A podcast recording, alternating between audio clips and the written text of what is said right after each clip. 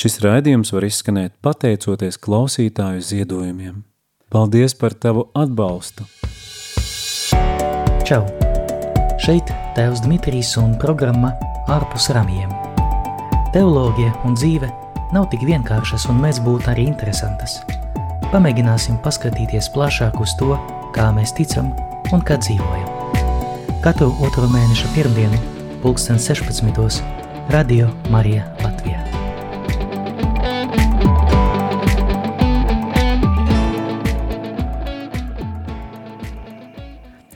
Labvakar, labvakar, darbie radio klausītāji! Otrā mēneša pirmdiena, pulkstenis četri, un kā jau reizi, kā jau ir pierasts, kārtējo reizi es aicinu jūs uz programmu ārpus rāmjiem.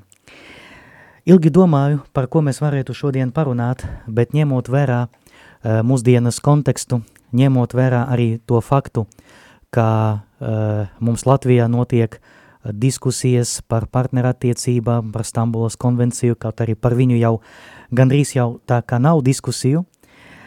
Es gribētu pievērst mūsu uzmanību uh, kristīgai antropoloģijai, jo problēma ir tanī, ka mēs nevaram strīdēties uh, runājot par ideoloģiskām lietām, mēs varam iet dialogā un runāt tieši par antropoloģiju. Un uh, pēdējā laikā es saskaros ar um, vairākiem jautājumiem, Eh, vairāki cilvēki man jautāja par to, bet kāpēc mēs nevaram pieņemt uh, to Stambulas konvenciju, kāpēc mēs nevaram, nevaram pieņemt uh, tas partnerattiecības regulējumu, kas taču ir slikts tajā visā. Es negribu teikt, ka tur ir viss slikts vai viss ir labs, jo mm, tomēr vērtēšana nav mana kompetence, bet es gribētu dot jums un palīdzēt jums kopā izskatīt uh, tādus pamatus par to, uh, galu galā kāpēc kristieti, kā kristietība skatās uz, skatās uz cilvēku, kā mēs no kristīgas antropoloģijas uh, viedokļa saprotam cilvēku. Jo uh, šajās diskusijās es esmu pamanījis ļoti interesantu lietu, ka mēs, vai tie kreisie liberāļi, vai tie konservatisti, mēs pilnīgi savādāk dodam atbildi uz jautājumu, kas ir cilvēks un kāds ir cilvēks. Un tāpēc arī šodien es gribētu no tāda teoloģiska redzes punkta, bet arī mazliet no kristīgas filozofijas redzes punkta, kurā es, protams, neesmu baigais speciālists, bet šo to gan zinu, lai mēs aplūkotu šo jautājumu, kas ir cilvēks, jo noteikti tas arī palīdzēs mums dot atbildi uz jautājumiem, kāpēc dažiem risinājumiem uh, Latvijas vai pasaules merogā mēs vispār nevaram piekrist. Tātad Kas ir cilvēks? Sāksim no pašiem pamatiem. Ja mēs uzdosim jautājumu par cilvēka izcelsmi, tad mēs uh, varētu pateikt tā, ka mēs pat nevaram uh, rast atbildi uz jautājumu, no kura brīža cilvēks ir cilvēks. No kura brīža tas, uh, tas suga, uh, homo sapiens, ir kļuvusi par cilvēku.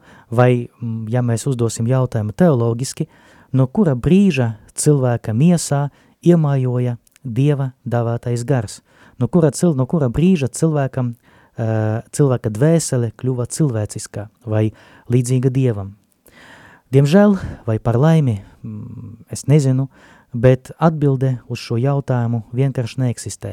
Vismaz neeksistē mūsu, uh, mūsu merogā. Noteikti atbildi ir Dievam, bet noteikti tas nav pagaidām mums. Es parasti mēdzu teikt, ka noteikti, kad mēs nostāsimies paši Dieva priekšā, mēs varēsim viņam uzdot visus jautājumus un noteikti viņš atbildēs, bet šodien mums jāsamierinājās ar to, ka tās ir Dieva noslēpums, nevis mūsu. Bet uh, attinot vēsturi atpakaļ, mēs varam pateikt tā, ka vidēji 50 tūkstošu gadu laikā progress cilvēka attīst, attīstībā ir krietni atrāks attiecība uz iepriekšējiem evolūcijas posmiem. Es domāju, ka nav jāpierāda, ka evolūcija vai evolūcijas procesi, kas notiek pasaulē, notika, notiek un arī notiks, e, tas noteikti vairs nav hipotēze. Tas ir fakts, e, kas, e, ko zinātnieki ir spējīgi, spējīgi reģistrēt, ko zinātnieki arī ir spējīgi novērot. Eh, es atceros bērnības jautājumu, nu, faktiski bērnišķīgu jautājumu. Ja cilvēks ir cēlies no pērtika, tad kāpēc pērtiki zoodārza nekļūst par cilvēkiem, ja taču viņam tad būtu jākļūt par cilvēkiem? Kad es biju bērns, es patiešām biju nopietni nora, nora, noraizējies par tiem pērtikiem, ko biju redzējis ber, zoodarzā, gribēju pateikt bērndarzā, bet zoodarzā, bet īstenība atbildi ir ļoti vienkārša, jo ir pārāk īsts laiks viena pērtika dzīvē, lai viņš pārtāptu par cilvēku. Un tomēr pieņemsim kā faktu, kā evolūcijas procesi notiek un kā cilvēka miesa vai cilvēka ķermenis vai cilvēka, cilvēka tāda fiziskā daļa no viņa būtnes ir celusies tieši pateicoties evolūcijas procesiem. Atkal mēs nevaram atbildēt uz jautājumu, vai Dievs vadīja šo evolūciju, vai viņš šajā evolūcijā ir iekļāvis kaut kādus likumus. Es domāju, ka gan tā, gan tā, bet atkal to nevar ne pierādīt, ne arī, ne arī noraidīt. Bet katrā ziņā fakts ir tāds, ka cilvēks ir radies pateicoties evolūcijas procesiem, ko noteikti kaut kādā veidā, pateiksim tā, administrēja Dievs. Un kaut kādā brīdī, mēs atkal nezinām, kurā brīdī tas notika, cilvēks kļuva par visas radības kroni, jo no visām dzīvajām būtnēm tikai cilvēkam ir prāts un griba. Tāds pats prāts un griba, kāds ir eņģeļiem un arī Dievam. Jo, ja mēs um, mēģināsim teologiski uh, ra lasīt radīšanas grāmatu, tad mēs ieraudzīsim interesantu lietu, ieraudzīsim interesantu formulējumu, ka Dievs ir radījis cilvēku pēc sava attēla un līdzības. Tas nozīmē, ka tikai cilvēkam Dievs ir davājis to dāvanu, kuru nav davājis nevienam citām dzīvām, fiziskām dzīvām būtnēm.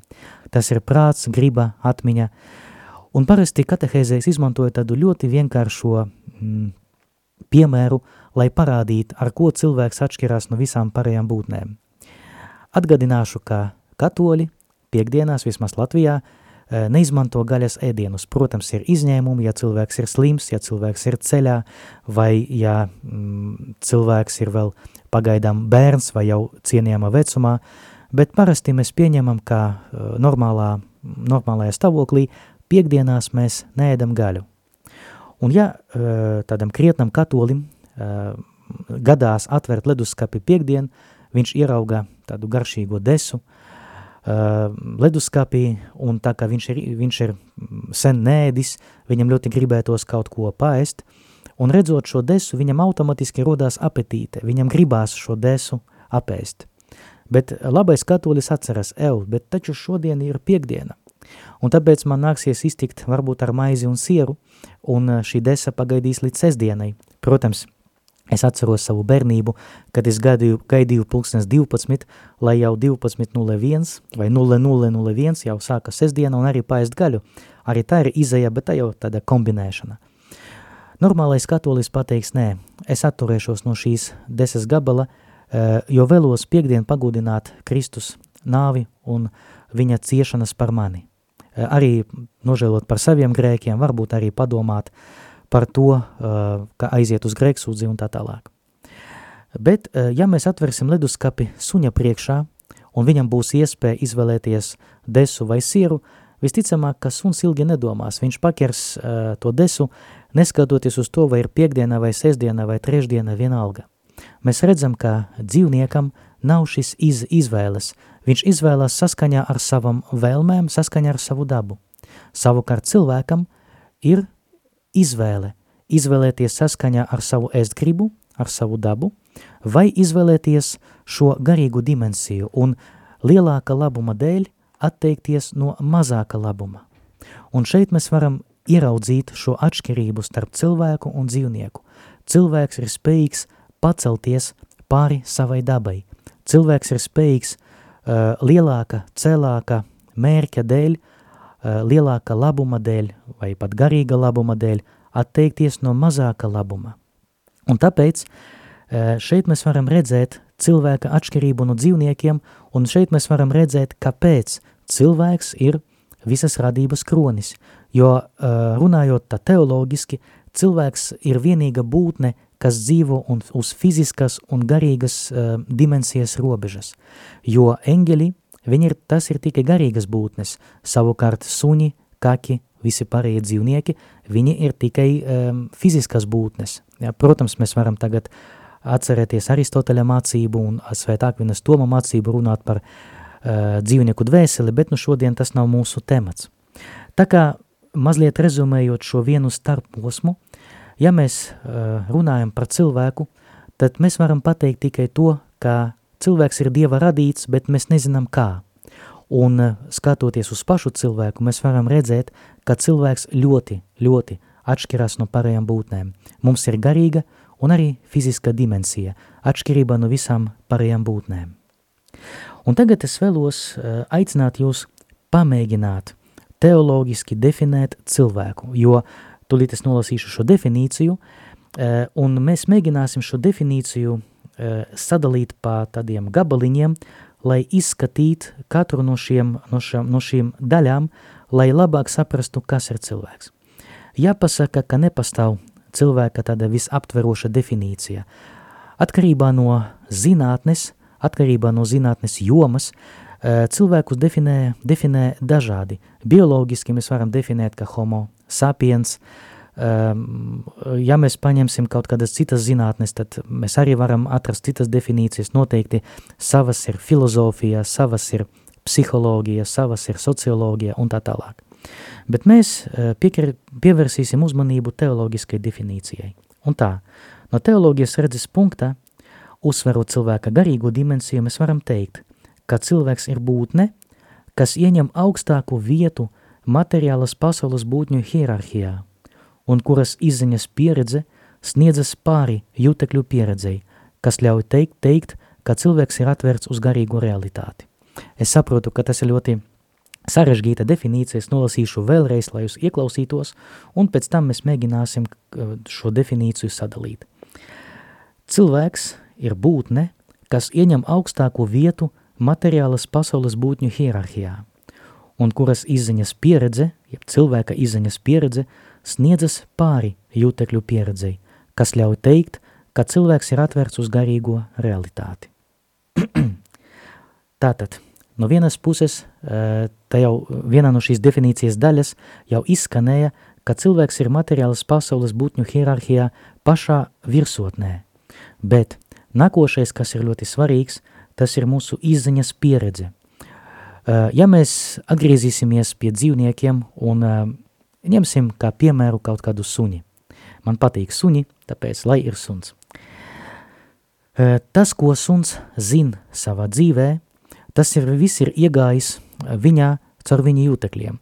Kaut ko viņš bija iemācījies, kad bija kucēns, kaut ko viņš iemācījās pateicoties tam, kā ar viņu nodarbojās uh, speciālisti, kas nodarbojas ar suņu audzināšanu, jo ir audzināti un neaudzināti suņi. Tie, kas, tiem, kam nav suņu, noteikti tas būs atklājums, bet ir audzināti un sliktāk audzināti suņi.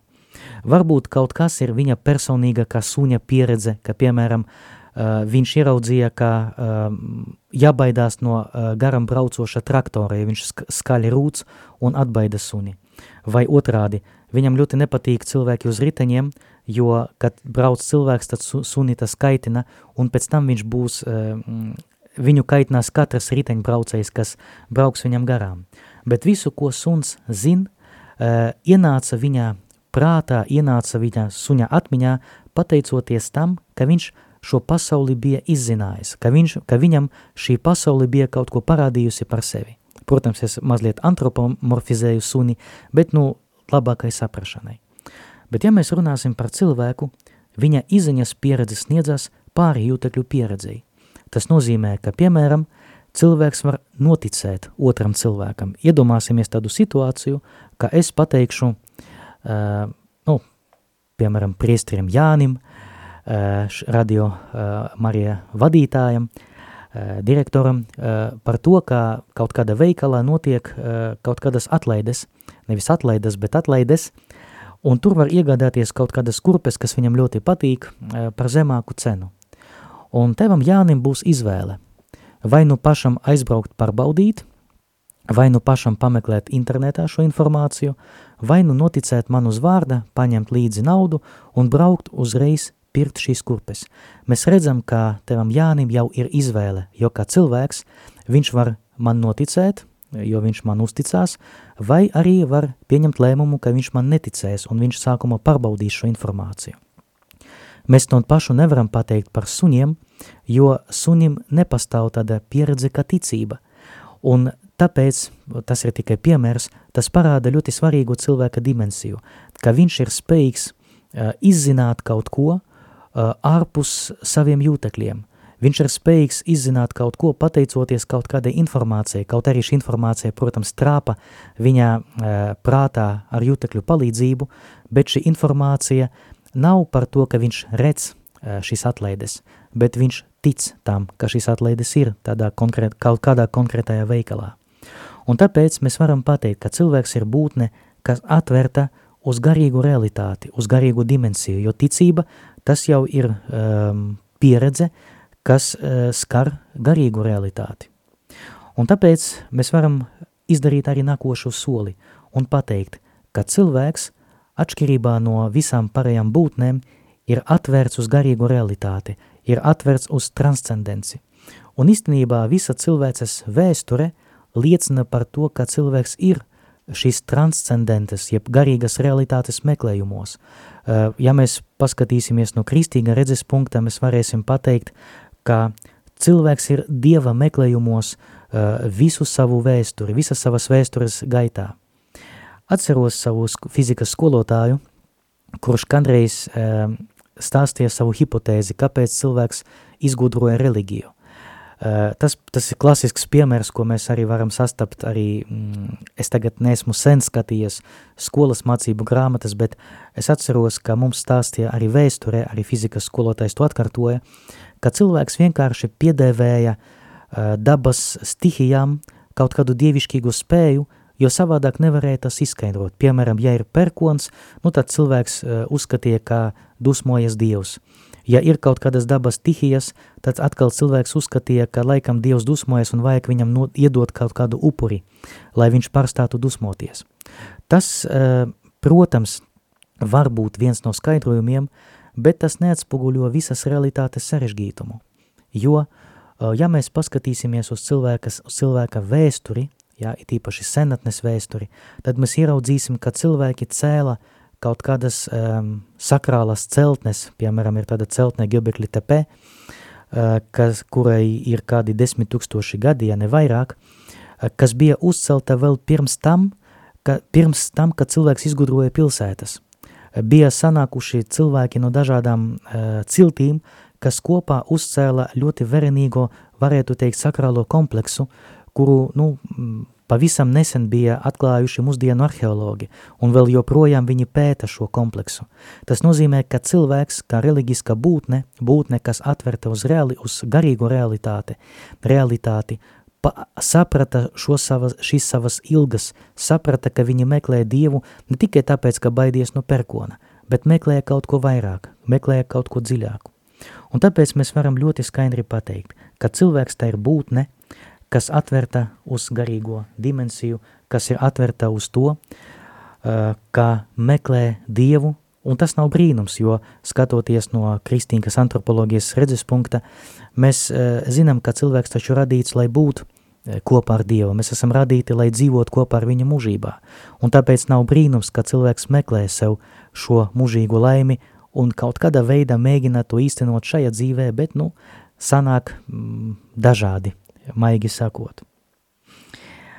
Un pirms mēs pariesim pie nākošas lietas, jo es gribēju galu galā nonākt pie ķermeņa, es vēlos pievērst jūsu uzmanību teoloģiskam skatījumam uz cilvēku. Tas nozīmē, pamēģināsim kopā pameklēt atbildi uz jautājumu, bet kā teoloģija skatās uz cilvēku? Kāds ir cilvēks no tādā teoloģiska redzes punkta? Jo teologs meklē atbildi uz jautājumu, kāda ir cilvēka esamības attieksme pret Dievu, kādas ir mūsu attiecības ar Dievu. Pamēģināsim uzdot sev šo jautājumu un pamēģināsim arī sev uz šo jautājumu atbildēt. Galvenā teoloģiskas interpretācijas kategorija ir cilvēka pestīšana, kā personīga vienotība ar Dievu. Es tā mēģināšu to mazliet paskaidrot, jo cilvēka attiecības ar Dievu nav kaut kādas attiecības. Ja, piemēram, man ir draugs, tad man ir draudzīgas attiecības ar Dievu. Ja kādam ir sieva, nu, man nav, bet ja kādam ir sieva, tad viņam ir um, sieva un vīras attiecības vienam attiecību uz otru. Ja kādam ir bērni, tad viņam ir vecāku bērnu attiecības. Tas nav kaut kādas abstraktas attiecības, bet tas attiecības, kas veid, kuras veido konkrētas personas konkrētā kontekstā. Un runājot par attiecībām ar Dievu, šeit arī ir konkrētas attiecības konkrētajā reliģiskajā kontekstā. Un šis attiecības saucās par uh, vienotību ar Dievu tieši caur pestīšanu. Es negribu tagad iedziļināties mm, pirmgrēka uh, teoloģijā, jo tas būtu tiešām ļoti garš stāsts, jā, bet katrā ziņā tikai nosignalizēšu mums visiem, ka cilvēks kaut arī ir radīts, lai būtu kopā ar Dievu, bet šī būšana kopā ar Dievu ir cilvēka potence. Tas nozīmē, ka cilvēks netika radīts pilnīgs uzreiz. Uh, mums brīžiem liekas, kad mēs skatāmies vai lasām radīšanas grāmatu, ka cilvēks it kā bija pilnīgs, ja, un pēc tam notika kaut kas, ko mēs saucam par pirmgrēku, un cilvēks it kā ir nokritis no saviem teoloģiskiem augstumiem, no savas būtības augstumiem. Bet īstenībā tas nav līdz galam precīzi, jo ja mēs uh, uzmanīgi lasīsim, tad Dievs arī, atcerēsimies, ka Dievs arī deva cilvēkam tādu bausli, vairojieties un piepildiet zemi, un dariet to pakļautu sev. Tas nozīmē, ka cilvēkam uh, bija, dota, pot, bija dots potenciāls, lai viņš varētu augt, lai viņš varētu piepildīt zemi, lai viņš varētu kļūt pats pilnīgāks nekā bija radīšanas brīdī, lai kā mēs nesaprotam šo radīšanu. Un tāpēc arī cilvēkam ir nepieciešams Dievs kā tāds, kurš viņu ved pie sevis, kā tāds, kurš viņu aicina pie sevis. Faktiski izmantojot kaut kādu metaforisku valodu, mēs varētu, varētu pateikt tā, pateicoties vai, diemžēl, šī notikuma dēļ, ko mēs, vai šī procesa dēļ, ko mēs saucam par pirmgrēku, notika tā, ka cilvēks atradās uh, kā purvā, jo no vienas puses tu vēl esi dzīvs, tu vari kustēties, bet no otras puses no šī purva tu nevari izlīst arā pats. Kā mēs varbūt atceraties, bija tāds personāžs, Münhausens, eh, kurš stāstīja par sevi, ka viņš pats paņēma sevi aiz matiem un izvilka ārā no purva. Mēs saprotam, ka fiziski tas nav iespējams, tāpat arī teoloģiski nav iespējams izdarīt tā, ka cilvēks pats atpestītu sevi no šī purva, kurā mēs kā cilvēce esam iebraukuši. Un, diemžēl, skatoties, lasot pat ziņas, skatoties ziņas, šķiet, ka mēs braucam ar vien dziļāk un tālāk, bet ticam, ka Dievs ir ar mums. Bet Dievs iziet cilvēkam pretī. Viņš pasniedz viņam roku, un cilvēkam jau ir atbalsta punkts, uh, balstoties uz kura mēs varam līst arā no šī purva. Tāpat kā cilvēks, kurš ir trāpījis tiešā, tiešā veidā, tiešā nozīmē purvā, ka viņam ir nepieciešams kāds, kurš stāv uz e, mm, zemes un kurš viņam pasniedz vai virvi, vai roku, vai zaru, lai cilvēks varētu pieķerties pie tā un pateicos, tā, pateicoties tam atbalsta punktam, izlīst no šī purva. Un mūsu attiecības ar Dievu tieši balstās uz šīs pestīšanas kategorijas, ka Dievs izstiep cilvēkam roku, lai cilvēks izlīstu no šī purva. Un tam ir ļoti svarīgas sekas, man, mana skatījuma vissvarīgākas sekas visā cilvēciskā antropoloģijā, kad cilvēks pats ar saviem spēkiem nevar sevi atpestīt. Viņam Dievs ir nepieciešams kā gaiss, viņam Dievs ir nepieciešams dzīvei, jo, ja Dieva nav, vai ja Dievs būs tālu no viņa, vai viņš noraidīs to Dieva roku, nu tad viņam paliek tikai viens ceļš ar vien dziļāk šajā purvā. Un eh, tāpat kā purva fizika ir tāda, ka cilvēks jo vairāk kustās, jo dziļāk purvs viņu iesūc iekšā, eh, tāpat arī ir ar grēku un ar pasauli. Ja? Eh, es domāju par pasauli šī negatīvai nozīmē, ka jo tālāk no Dieva, jo vairāk cilvēku iesaista ļaunums, un jo vairāk cilvēks ir pakārtot šim ļaunumam, un ar, arvien grūtāk ir no šī ļaunuma tikt vaļā. Un tāpēc mēs tagad varam pateikt, ka galvenā interpretācijas kategorija, teoloģiska cilvēka interpretācijas kategorija ir ļoti vienkārša. Dievs ir aicinājis cilvēku pestīšanai, un Dievs vēlās atpestīt cilvēku. Un tāpēc šī, šis vārds pestīšana ir atslēgas vārds katram attiecībām, eh, visiem cilvēku attiecībām ar Dievu. Pariesim tālāk. Cilvēks ir radīts. Par to es jau biju runājis, bet es vēl, vēlreiz atkārtošu, ka cilvēks nav aklas evolūcijas procesa rezultāts, bet cilvēks ir Dieva gribēts. Katrs cilvēks ir Dieva gribēts, neatkarīgi no viņa kondīcijas, vai tas ir uh, cilvēks, kurš ir dzimis kā gēnijs, uh, cilvēks, kurš ir dzimis vislabvēlīgākā vidē, cilvēks, kuram dots daudz talantu, cilvēks, kurš ir spējīgs realizēt sevi kā cilvēks, vai ja cilvēks, pat ja cilvēks ir dzimis kā ar kaut kādām uh, slimībām iedzimtām, vai ir dzimis ar kaut kādiem izkropļojumiem uz miesas, ar kaut kādām vājībām, tomēr viņš ir Dieva gribēts. Es tagad atstāšu novārtā šo jautājumu, kāpēc tā notiek, jo atkal tas būtu ļoti garš stāsts, un es ceru, ka varbūt kādreiz mēs pienāksim pie tā, lai arī parunātu par ļaunumu šajā pasaulē, bet tam arī jāsagatavojas arī caur lūkšanu, jo nevar runāt par ļaunumu tā, smejoties. Bet katrā ziņā Dievs ir radīts un ir Dieva gribē, piedodiet, cilvēks ir radīts un ir Dieva gribēts. Cilvēks nav nejaušība šajā pasaulē, un neviens no mums nav nejaušība ne šajā pasaulē, ne šajā laikā, ne šajā telpā. E, es atkal, man jau tāds vecums, ka es varu atļauties pastāstīt, ka kādreiz, kad es biju jauns, tad, tā lūk, kādreiz, kad es biju ļauns, kad es biju jauns, ļauns varbūt joprojām esmu, kādreiz, kad es biju jauns un biju students, viens no mūsu uh, pasniedzējiem, teoloģijas profesors, nesaukšu vārdā, jo neiet runa par to, lai tagad uh, identificēt šo, šo jauku un tiešām gudru cilvēku. Kādreiz viņš bija iestājies pie jezuītiem, jezuītu kongregācijā, bet tā, ka viņš vēl nebija salicis mūža svecolījumus, viņš tomēr atklāja, ka būt par jezuītu tēvu nav viņa aicinājums. Viņš izstājās no šīs kongregācijas, aprecējās, viņam ir jauki bērni, šie bērni ir jau pat vecāki par mani, un uh, viņš kļuva par teoloģijas profesoru, un vienā no intervijām kad viņam uzdeva jautājumu, bet, bet, bet vai jūs nenožēlojāt, ka jūs nekļuvat par priesteri? Viņš atbildēja ļoti gudri. Savam uh, intervētājām viņš atbildēja tā.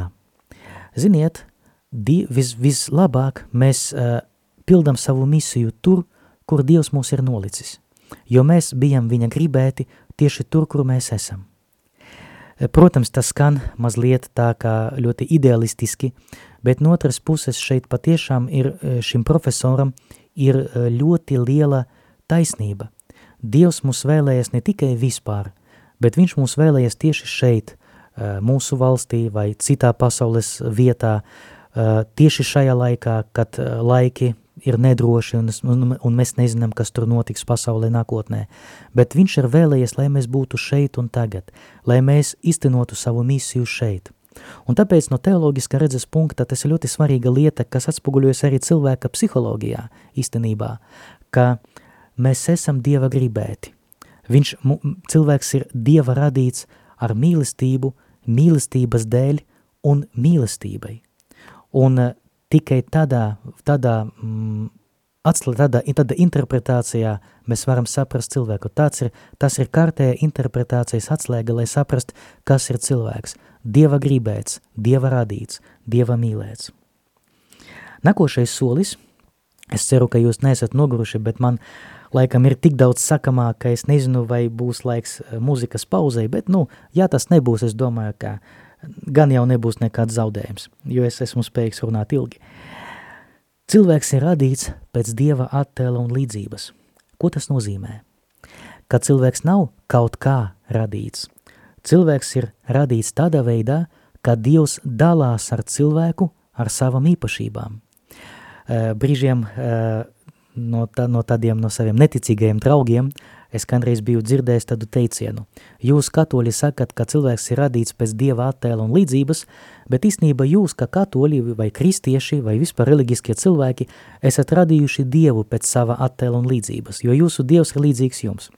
Protams, tas bija pateikts tādā mazliet mm, sarkastiskajā nozīmē, bet īstenībā, ja iedziļināties, šeit šajā izteicienā, kaut arī cilvēks noteikti, kas to pateicis, nebija to tā domājis, bet es domāju, ka mēs varam interpretēt arī savādāk. Tieši mūsu daba, tieši mūsu Dieva dotas dāvanas palīdz mums saprast, kāds ir Dievs. Jo paskatieties, mums ir vēlme būt laimīgiem. Ne tikai labi justies, bet būt laimīgiem. Un tas jau parāda, ka Dievs ir laimīgs.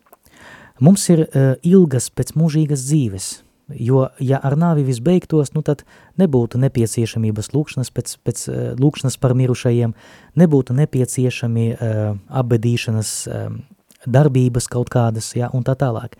Visa cilvēces vēsture liecina par ticību vai par intuīciju par to, ka pēc nāves ir vēl kaut kas, ka nāve tas vēl nav beigas. Tā nav nejaušība, tā nav tik, tas nav tikai tāds mierinājums uh, tiem, kas raud mm, pēc savu tuvāko nāves, bet tajā visa ir kaut kas vairāk.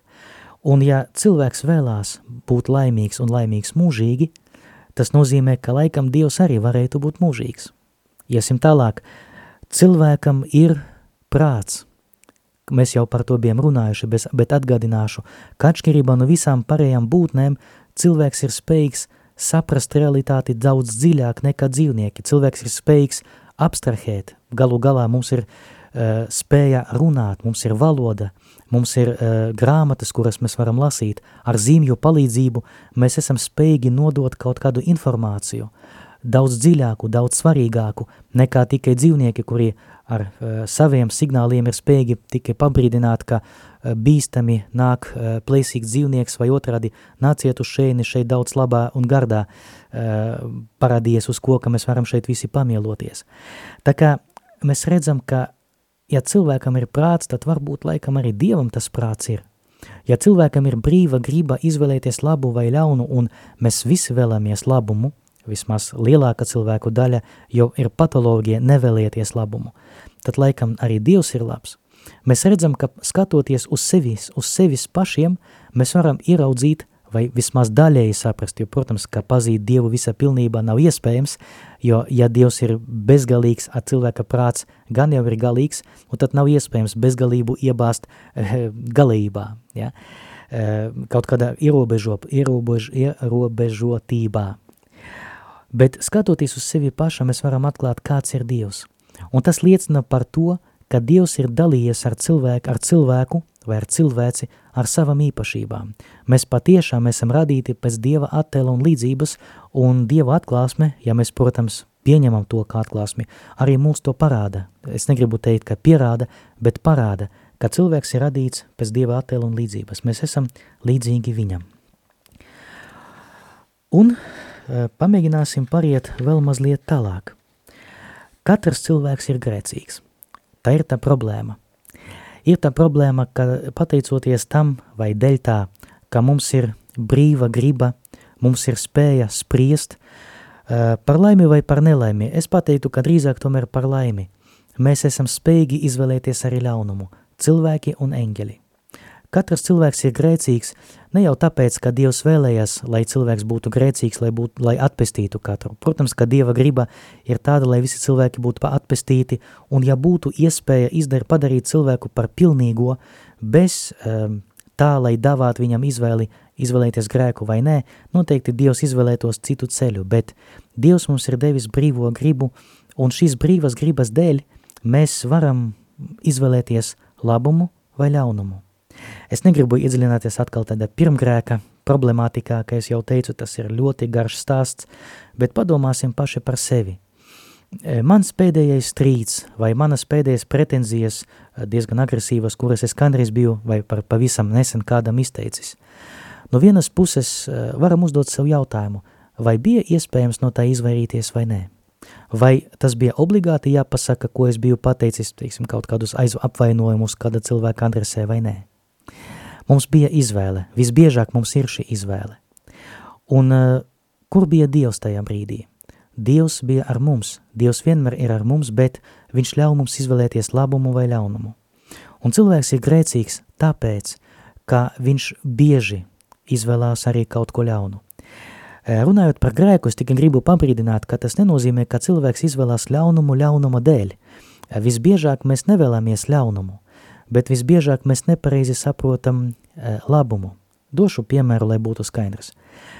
Ja cilvēks zog, piemēram, cilvēkam ir iespēja nu, apzakt kaut kādu veikalu, tad noteikti viņa galvenais mērķis nav izdarīt pāri veikala īpašniekam un uh, izdarīt tā, lai viņam būtu mazāk šis preces, lai viņam rastos kaut kāds zaudējums.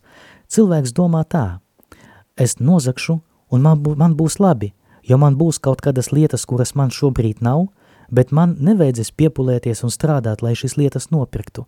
Viņas būs mana, manas jau tagad, ja es apzakšu šo veikalu. Tad tā kā cilvēks šajā domāšanas veidā īstenībā izvēlās labumu, bet izvēlās mazāko labumu, jo viņam svarīga nav patiesība, viņam svarīga nav, svarīgs nav taisnīgums, bet viņam svarīgs ir tas, lai viņa, viņš pats um, iegūtu kaut kādu labumu, kas viņam pašam nesīs labumu, neskatoties uz to, ka lielākais labums paliek nerealizēts. Un visbiežāk grēks ir tieši tas. Mēs izvēlamies mazāko labumu. Pats grieķu vārds hamartija, kas tulkojumā tas, šī vārda etimolo, etimoloģija ir tāda, ka uh, tas nozīmē netrāpīt mērķī. Ja kāds šauj, teiksim, ar loku vai ar šauteni un netrapa mērķī, bet uh, lode vai bulta aizlido kaut kur citur, tas nozīmē hamartija. Uh, tas, kurš šāva, viņš vienkārši netrāpīja mērķī. Un ar to pašu vārdu grieķu valodā tiek apzīmēts arī grēks – netrāpīt mērķi, izvēlēties nepareizo labumu. Un tāpēc mēs varam arī pateikt, cilvēks ir grēcīgs, jo bieži vien kaut kādu iemeslu dēļ. Katram šī iemesli ir savi, mēs nevaram izmantot vienu paradigmu visu cilvēku vērtēšanai, bet šī, šīs, šīs kļūdas dēļ cilvēks izvēlās to mazāko labumu. Bet ir cerība, jo ir vēl viena lieta, kas ir kas jāpiemin runājot par uh, cilvēka teoloģisku interpretāciju. Cilvēks ir atpestīts, un tas notiek pateicoties Kristum. Tas nozīmē, ka kaut arī cilvēks izvēlas grēku, ir kāds, un tas kāds tas ir Dievs, kurš šajā pasaulē ir nostiprinājis, mēs varētu mazliet patetiski, bet skaisti pateikt, ir nostiprinājis savu krustu. Ir nostiprinājis krustu kā tādu bāku, paskato, eh, skatoties uz, kuru, uz kuras mēs varam redzēt gaismu un zināt, uz kurieni virzīties, ka mēs neesam pamesti vieni paši, ka Kristus ar savu upuri ir atpircis visu cilvēku grēkus. Un tas ir viens no paradoksiem, ka Kristus ir atpircis gan tos grēkus, eh, kas bija izdarīti visas cilvēces vēstures gājumā pirms Kristus, bet arī viņš ir atpircis visus grēkus, kuri pat vēl nav izdarīti. Bet viņa pestīšana sniedzas gan lai, laika ziņā, gan uz priekšu, gan atpakaļgaitā. Mēs esam atpirkti, atpirkti ar viņa asinīm, mēs esam atpirkti ar to, ka viņš pats parāda mums, ka ir iespējams šajā pasaulē izvēlēties radikāli visaugstāko labumu. Ok, runā, es domāju, ar šiem teoloģiskiem, teoloģiskam interpretācijas atslēgām varbūt arī pietiek, bet es gribu vēl pāris lietas pateikt par cilvēka struktūru, par to, kāds ir cilvēks. Mana skatījumā tas ļoti svarīgs, lai mēs pareizi saprastu arī visas šīs diskusijas, kas notiek. Cilvēka struktūra ir tāda, vienkārši sakot, cilvēks ir garīgi, garīgi miesīga būtne. Noteikti nepareizi būtu pateikt, ka cilvēkam ir dvēsele un miesa, tas nav pareizi. Pareizi būtu pateikt, ka cilvēks ir dvēsele un miesa. Atkartušu vēlreiz. Nav tā, ka man ir miesa, vai man ir dvēsele. Nē, es esmu miesa un dvēsele kopumā. No vienas puses tas, uh, tam ir ļoti svarīgas sekas, ka cilvēka miesa tas nav tāds gaļas skafandrs dvēselei, ja, ka dvēsele tas ir tāds uh, pilots garīgais, kas manipulē ar uh, miesu kā robotu. Nē, cilvēka būtne ir tāda, cilvēks ir tikai tad cilvēks, kad viņš ir dvēsele un miesa. Tieši tāpēc mēs ticam miesas augšām celšanai, kas notiks laiku beigās, lai gan mēs nevaram saprast un zināt, kā tas varētu notikt. Un tāpēc tieši tādā veidā skatoties uz cilvēku, mēs varam pateikt, ka viss, kas notiek mūsu miesā, vienmēr, un es pasvitrošu, vienmēr atspoguļojas arī mūsu dvēselē. Viss, kas notiek cilvēka dvēselē, vienmēr un es šeit gribu atkārtot, vienmēr atspoguļojas arī mana miesā. Protams, tagad to, tas, ko es pateikšu, tas nav pierādījums, jo neviens nav veicis tādus pētījumus, bet tas, ko es pateikšu, ir tikai ilustrācija, lai parādītu, kā tas darbojās. Noteikti jūs esat redzējuši ļoti pievilcīgus un skaistus cilvēkus. Piemēram, kaut kādas fotomodeles, kuras ir ļoti skaistas un brīnišķīgas, un uh, viņas nodarbojas ar sportu, lai būtu skaistas un labi prezentētos gan dzīvajā, gan arī uz fotogrāfiem un tā tālāk. Bet vienlaicīgi gadās, ka skatoties vai iepazīstoties ar tādu fotomodeli, mēs ieraudz, varam ieraudzīt, ka viņa varbūt ir ļoti ļauns cilvēks, ka viņa domā tikai par sevi, ka viņa domā tikai par peļņu un tā tālāk. Un paskatieties, kas notiek. Kaut arī cilvēks ļoti pievilcīgs fiziski vai izskatīgs, skaists fiziski, bet no otras puses viņš nemaz nav pievilcīgs. Nav patīkami būt ar tādu cilvēku kopā, kaut arī fiziski nav nekādas vainas.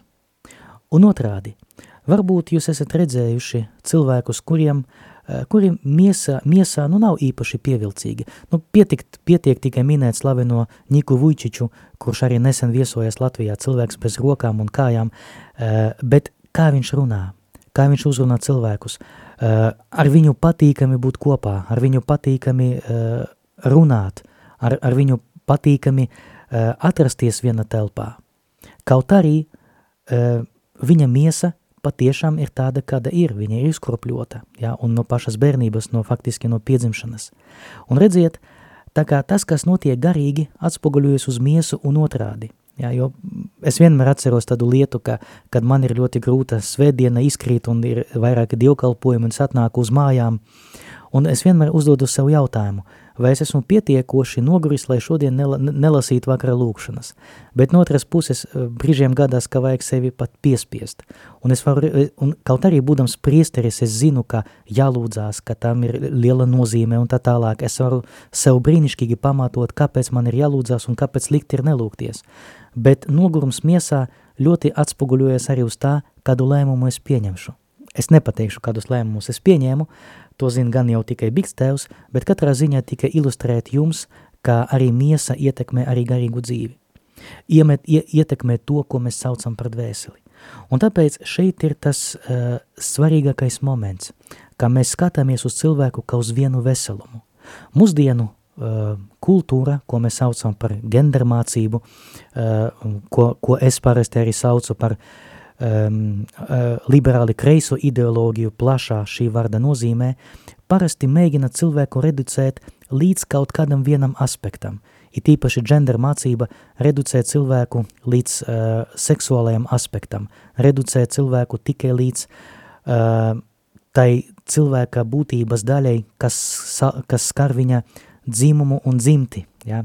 Izmantosim arī šos iedzienus šeit. Uh, jo dzimums tas saistās ar bioloģiju, bet dzimte eh, tas ir tas, tas, viss tas, kas saistās ar lomām sabiedrībā. Un šī kreisa ideoloģija paņem tikai šo vienu daļiņu no visa cilvēka personības bagātības un mēģina definēt cilvēku tikai balstoties uz šīs vienas interpretācijas atslēgas. Bet paskatieties, 45 minūtes gandrīz, 43, ja būtu godīgi, mēs, uh, būt precīzam, mēs runājam tikai par to, kā mēs teoloģiski interpretējam cilvēku. Un pat nav šis, šīs mūzikas pauzes, jo ir daudz, ko uh, vēl varētu pateikt, bet nu, vienkārši esmu ierobežots ar laiku. Un kāpēc mēs kā kristieši nevaram pieņemt šo antropoloģiju, kas ir pēc būtības tāda nu, redukcijas antropoloģija, antropoloģija, kura neaptver visu bagātību. Uh, tā ir ļoti liela kļūda, kad mēs mēģinām interpretēt kaut kādu lietu, tikai paņēmot daļiņu no šīs lietas. Šeit man nāk prātā viens tas ļoti skaist, skaists stāsts par to, kā pieci aklie eh, cilvēki taustie ziloņi. Ja? Viens taustie eh, to viņu garo degunu, piedodiet, neatceros, kā latviski sauc šņukru, šņukru, Sņukis, jā, jo šņukurs tas ir cūkai, bet snukis, jā. Ka viens tai, tai, taustie viņa snuki un tagad teica, o, nu, zilonis tas laikam ir tāds līdzīgs čūska, jā, ar diviem caurumiem, kas elpo. Cits uh, ķerās pie kājas, saka, nē, tas ir staps. Cits atkal bija pie astes, taustie asti un saka, nē, nu, tas ir tik kaut kas mazs, jā. Kārtējies atkal taustīja ausi un saka, nē, nu, tas ir, tas ir kaut kas pavisam cits, kā tāds tepikis, kas karājas gaisā, jā, un atzin mušas. Un redziet, katrs no viņiem raksturoja šo ziloņi pa savam, bet bija tāda dziļa pārliecība, ka viņš zina, ka tas ir viss zilonis. Bet vai tas bija viss zilonis? Kristīga antropoloģija pretendē uz to, lai mēģinātu uh, paskaidrot, kas ir cilvē, cilvēks visā cilvēka būtnes bagātībā. Ņemot vērā visus aspektus, gan garīgo, gan arī fizisko. Bet gender mācība, tā uh, liberāli kreisa ideoloģija, uh, mēģina cilvēku reducēt līdz tikai dažiem aspektiem. Bet uh, vai tas ir pamatoti? Vai tas gadījumā nepadara cilvēka izpratni pat na, par nabadzīgāko? Vai tas gadījumā pat nav, negribu teikt, noziegums pret cilvēku, bet noteikti, vai tas nenesīs kaut kādas arī ļaunas sekas? Es došu jums uh, tikai divus piemērus, uh, īstenībā netaisījos, bet uz noslēgumu noteikti būs ļoti labi par tiem piemēriem parunāt, par kuriem mēs bijām runājuši ar uh, radījumu Marija personālu pirms šīs programmas. Pirmais piemērs – Ja mēs mēģināsim reducēt cilvēku tikai līdz uh, dzimtei, tad tādā gadījumā mums jāļauj sieviešu sportā no piedalīties arī vīriešiem. Jo tādā gadījumā, ja vīrietis pateiks, ka viņš jūtās kā sieviete, tad viņam būtu jālaiž, uh, jādod iespēja arī cīnīties uh, kaut kāda sporta veida arī ar sievietēm, bet nu, ņemot vērā, ka vīrieši nu, fizis, fiziski ir objektīvi stiprāki, tad viņi uzvarēs. Un vai tas būs godīgi? Vai arī Otrais piemērs, protams, es saprotu, ka tas ir ļoti vienkāršoti piemēri un realitāte ir sarežģīta, bet tas ir tikai ilustrācija, bet arī otrais piemērs. No vienas puses mēs sakam, ka starp vīrieti un sievieti nu nav nekādas īpašas atšķirības izņemot lomu sabiedrībā. Bet no otras puses, kad mēs runājam par Latvijas armiju, un tagad, eh, cik es lasīju, ka ir problēmas pat 500 eh, cilvēku salasīt, lai tam obligātajam militārajam dienestam it kā pirmo otru reizi salasīja, bet uh, Varbūt gadīsies arī, ka nāksies gandrīz jau spēlēt loteriju starp jauniem cilvēkiem, kurš tur ies dien, dienēt uz tiem desmit mēnešiem vai uz cik tur. Bet mēs runājam par vīrišķību, mēs runājam par to, ka jāstā, jāiztauj uh, sava valsts un tiek iesaukti tikai vīrieši, uh, un uh, dāmas netiek iesauktas, kaut arī, protams, viņas var brīvprātīgi doties dienestā, bet arī ne visas dāmas uh, dodas dienestā, ir arī citi uh, Mm, citas nodarbības eh, dzīvē, ar kurām būtu jānodarbojas. Tā kā mēs redzam, ka no vienas puses eh, tā kreisa ideoloģija viņa reducē cilvēkus, bet no otras puses tī tā pati kreisa ideoloģija nedod atbildes uz tom, tam problēmam, kuras viņa pati saražo. Un šeit, un, tas, eh, un šeit man rodas tas jautājums, vai viņa tada gadījuma ir adekvāta, šī, redu, šī reduc, reducēta antropoloģija. Un tieši par to es gribēju šodien ar jums parunāt, lai parādītu, ka tieši kristietība palīdz mums pareizi saprast cilvēkus, pareizi saprast, kas ir cilvēks, un pa, pa, palīdz mums arī dot atbildi uz jautājumu, kā uh, saprast un kā arī rīkoties. Jo, kā es teicu, uh, tajā ierakstā, kad mēs sākam mūsdienu, mūsu programmu, šodienas programmu, ka teoloģija un dzīve ir daudz bagātāka. Un tiešām realitāte ir ļoti bagāta, un uh, no kristīgas antropoloģijas redzes punkta ir ļoti svarīgi saprast, ka cilvēks ir tik bagāta būtne, ka mēs pat nevaram dot vienu tādu visaptverošu defi cilvēka definīciju. Un tāpēc pamēģināsim arī apcerēt, padomāt par to, kā es saprotu cilvēku. Vai patiešām es ticu, ka esmu Dieva radīts, Dieva mīlēts, ka es esmu garīga un miesīga būtne vienlaicīgi, ka no uh, mana gara stāvokļa bieži vien atkarīga mana lūkšana, no tā, vai es jūtos noguris vai nē, ir atkarīga mani lēmumi, ka ja es meklēju Dievu un vēlos viņam tuvoties, ka tas arī atspoguļojas arī mana miesā, un es kļūstu pievilcīgāks, uh, pateicoties tam, ka es esmu vienkārši labāks cilvēks.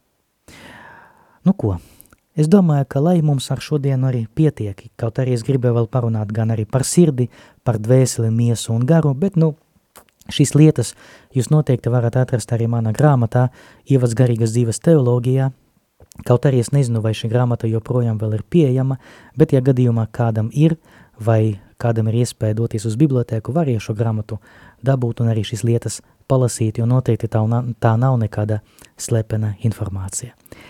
Paldies jums par šo jauko vakaru, es lūdzu piedošanu par to, ka nebija šīs mūzikas pauzes, bet ļoti gribēju daudz pateikt, un šīs divas, trīs minūtes vienmēr spēlē to svarīgu lomu priekš manīm. Paldies par šo jauko vakaru, turieties un redzēsimies atkal ar jums jau nākošajā 24. gadā, 2. Eh, janvāra pirmdienā, pulkstens 14. ja Dievs gribēs un būsim dzīvi. Ar Dievu visu labu!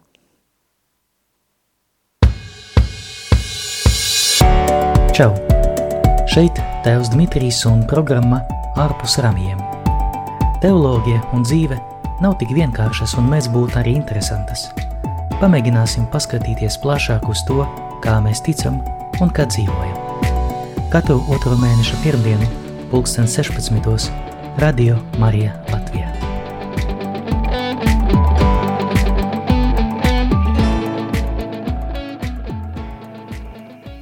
Šis raidījums varēja izskanēt pateicoties klausītāju ziedojumiem Radio Marija Latvija uzturēšanai. Paldies par tavu atbalstu!